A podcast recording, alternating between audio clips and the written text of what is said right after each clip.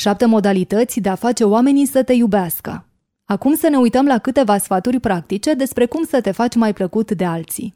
Câștigi fiecare ceartă pe care nici măcar nu o începi. De multe ori suntem tentați să ne certăm cu ceilalți, mai ales când suntem absolut convinși că avem dreptate. Dar chiar dacă e așa, ce vom realiza astfel? Ce câștigăm dacă demonstrăm că celălalt se înșală? De ce nu-l lăsăm pe celălalt să scape de umilință dacă oricum nu câștigăm nimic din ceartă?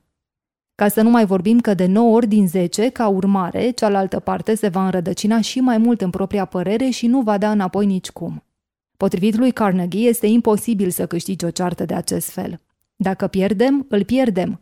Dacă câștigăm cearta, cealaltă persoană pierde, ceea ce îi va răni mândria, ceea ce o va determina să ne învinovățească. Chiar dacă asta nu se întâmplă în mod conștient. Cu alte cuvinte, pierdem oricum. Există o singură modalitate de a evita pierderea unui argument, să nu-l pornești. În loc să ne certăm, avem alte opțiuni. Putem fi deschiși la contraargumente și putem mulțumi atunci când auzim ceva la care nu ne-am gândit. Putem fi primii care ascultă și găsim puncte comune păstrându-ne calmul. Să fim sinceri, să ne cerem scuze când am făcut o greșeală și să promitem că luăm în considerare contraargumentele, dar dacă este necesar să amânăm acțiunea până când putem lua în considerare consecințele în liniște. Dacă vrei să faci o impresie bună, zâmbește. Carnegie ne spune povestea unui șef de departament de calculatoare care încerca cu disperare să recruteze talentul potrivit. În cele din urmă a găsit candidatul perfect, dar până atunci tipul primise deja oferte de la companii mult mai mari și mai cunoscute. Candidatul a ales totuși compania mai mică, iar șeful de departament a fost surprins și l-a întrebat de ce.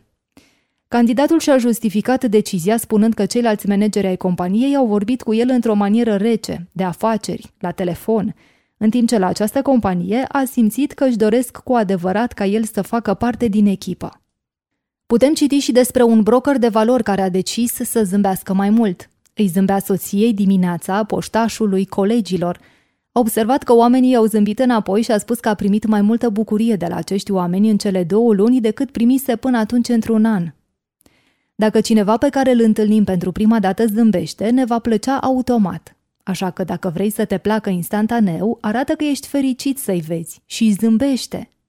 Și dacă acesta nu a fost un avantaj suficient de mare în sine, psihologii au demonstrat că zâmbetul ne face să ne simțim mai bine, așa că zâmbind conștient putem experimenta imediat emoții pozitive. Cheamă pe alții pe numele lor. Theodore Roosevelt a fost faimos printre colegii săi pentru că întotdeauna chemase pe toată lumea pe numele său și a făcut în mod deliberat timp să-i asculte, încercând să-și amintească ceea ce au spus pentru a se putea referi la acele lucruri mai târziu – Făcând acest lucru, le-a arătat altora considerația sa și a primit mult mai mult în schimb. Dacă vrei să-i faci pe plac cuiva, amintește-ți numele și folosește-i prenumele des în timpul conversației. Numele propriu este cel mai important cuvânt din lume pentru fiecare om. Dacă, de exemplu, cineva îți menționează numele la o petrecere zgomotoasă, îl vei auzi ușor, chiar dacă nu ai fost atent. Dar cum să reții numele oamenilor? La aceasta, autorul recomandă metoda împăratului francez Napoleon al III-lea. Asigură-te că înțelegi când se prezintă, întreabă încă o dată dacă este necesar, sau roagă-l să o explice. După aceea, repet-o de câteva ori în timp ce vorbești cu persoana respectivă și numește-l sau numește-o pe nume. Mai târziu, când ești singur, notează numele pentru a-ți îmbunătăți învățarea. Nu te opri la nume, află zilele lor de naștere și trimite-le un mesaj pentru a-i felicita. Ascultă-i cu atenție pe ceilalți. Odată autorul a participat la o cină la New York, unde a cunoscut un botanist. A petrecut ore întregi ascultând povești despre plante exotice și experimente. Mai târziu, botanistul i-a remarcat gazdei cât de grozav era partenerul său de conversație, Carnegie. El, de fapt, nu vorbise aproape deloc. Dacă vrei să fii o companie bună cu care oamenilor le place să vorbească, atunci învață să asculți cu atenție. Când suntem în companie, simțim adesea nevoia să vorbim, deoarece aici avem ocazia să ne conectăm. Dar gândește-te cât de mult îți plac oamenii care vorbesc constant despre ei înșiși. De fapt, toți tânjim să fim auziți. Ne place să vorbim despre noi înșine pentru că suntem protagoniștii propriilor vieți așa că povestea proprie este cea mai importantă. Oamenii doresc ca cineva să-i asculte și să-i întrebe ce se întâmplă cu ei. Prin urmare, dacă vrei să fii un bun partener de conversație, este mult mai bine să înveți să asculți cu atenție și să întrebi cu pricepere decât să vorbești prea mult. Data viitoare, când te afli într-o conversație, fii atent la cât de mult vorbești în relație cu partenerul tău. Cât de mult asculți. Scopul este de a asculta 75% și de a vorbi 25%. Pe măsură ce exersezi acest lucru, fii atent la ceea ce te determină să vorbești mai mult. Tăceri incomode? Ești entuziasmat când spui povești sau împărtășești ideile tale? Încearcă să faci cealaltă persoană să-ți spună mai multe despre el sau ea. Vorbește despre ceea ce îl interesează. Acum știi că cel mai mult ne place să vorbim despre noi. Și în al doilea rând despre lucrurile care ne interesează. Theodore Roosevelt își sacrifica somnul de noapte regulat înainte de o întâlnire importantă pentru a afla mai multe despre subiectele care interesau pe oaspeții săi. Roosevelt știa că drumul către inimile oamenilor duce prin interesele lor. Cartea oferă și un exemplu practic. Odată, un hotel la care autorul a avut o rezervare a vrut să tripleze prețul.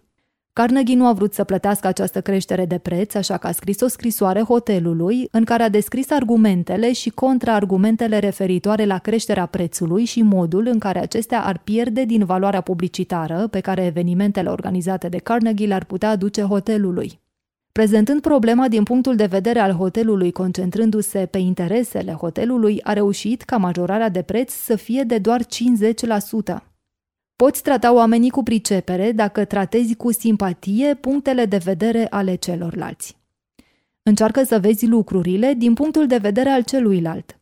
Trei sferturi dintre oameni sunt flămânzi și însetați de compasiune.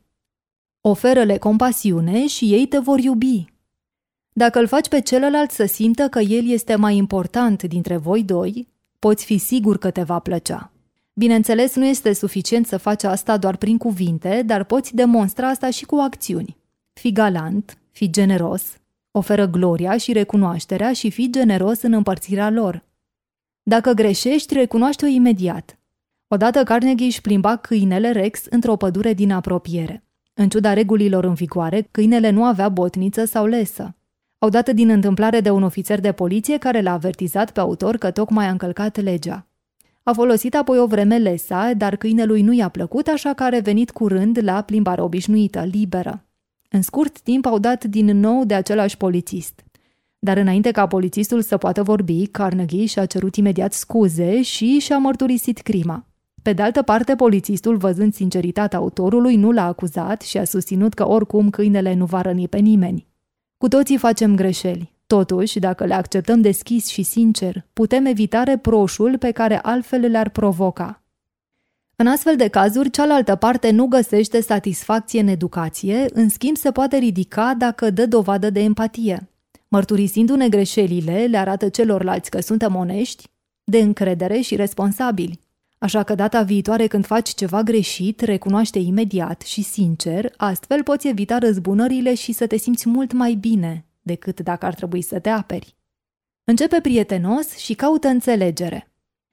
În 1915, John Rockefeller Jr. era unul dintre cei mai urâți bărbați din Colorado. Minerii de la Colorado Fuel sau Iron Company deținută de Rockefeller intraseră în grevă pentru salarii mai mari de mai bine de 2 ani. Situația a fost tragică. Au fost trimiși soldați și aceștia au deschis focul asupra greviștilor. Când Rockefeller l-a întâlnit pe liderul celor aflați în grevă, nu se afla într-o poziție ușoară. Cum ar putea să-i convingă? A ales o strategie simplă, a ales un ton extrem de prietenos, de parcă ar fi fost prieten de mii de ani. În timp ce vorbea, radia bunătate și subliniase cât de fericit și entuziasmat este că s-au întâlnit în sfârșit. Rezultatul? Greva s-a încheiat și muncitorii s-au întors la muncă fără creșterea salariului pe care o cereau. Acest exemplu arată cât de puternic poate fi un ton prietenos, chiar și atunci când ai de-a face cu o situație foarte furioasă. Dacă vrei să câștigi pe cineva pentru cauza ta, mai întâi convinge-l că ești prieten sincer. Poți prinde mai multe muște cu o singură picătură de miere decât cu un botoi de smoală. Dacă ai un dezacord cu cineva, nu începe niciodată cu punctele cu care nu ești de acord. Fie că este vorba despre copilul sau partenerul tău de afaceri, găsește mai întâi un punct comun. Ajută foarte mult dacă căutăm înțelegere și reușim să spunem da oamenilor de la început. Pentru aceasta o propoziție care începe cu scopul amândurora este să nu, este foarte util. Cu cât reușim să obținem mai mult acord de la cealaltă parte, cu atât este mai probabil ca acesta să spună în sfârșit da la cererea noastră principală. Nu este o coincidență că atât de mulți oameni folosesc această tehnică în vânzări. De exemplu, ați închiriat apartament înainte? Și răspunsul ar putea fi da. Atunci probabil ați plătit între 20 și 30 de dolari, nu? Din nou răspuns da. Avem un set complet pentru 34 de dolari și îl puteți păstra. E mai economic, nu? Și răspunsul din nou da. În același timp, este important să eviți întrebările sau afirmațiile la care cealaltă persoană reacționează negativ. Așa că în loc să dai lecții că greșesc, începe pe un ton prietenos și încearcă să găsești un acord.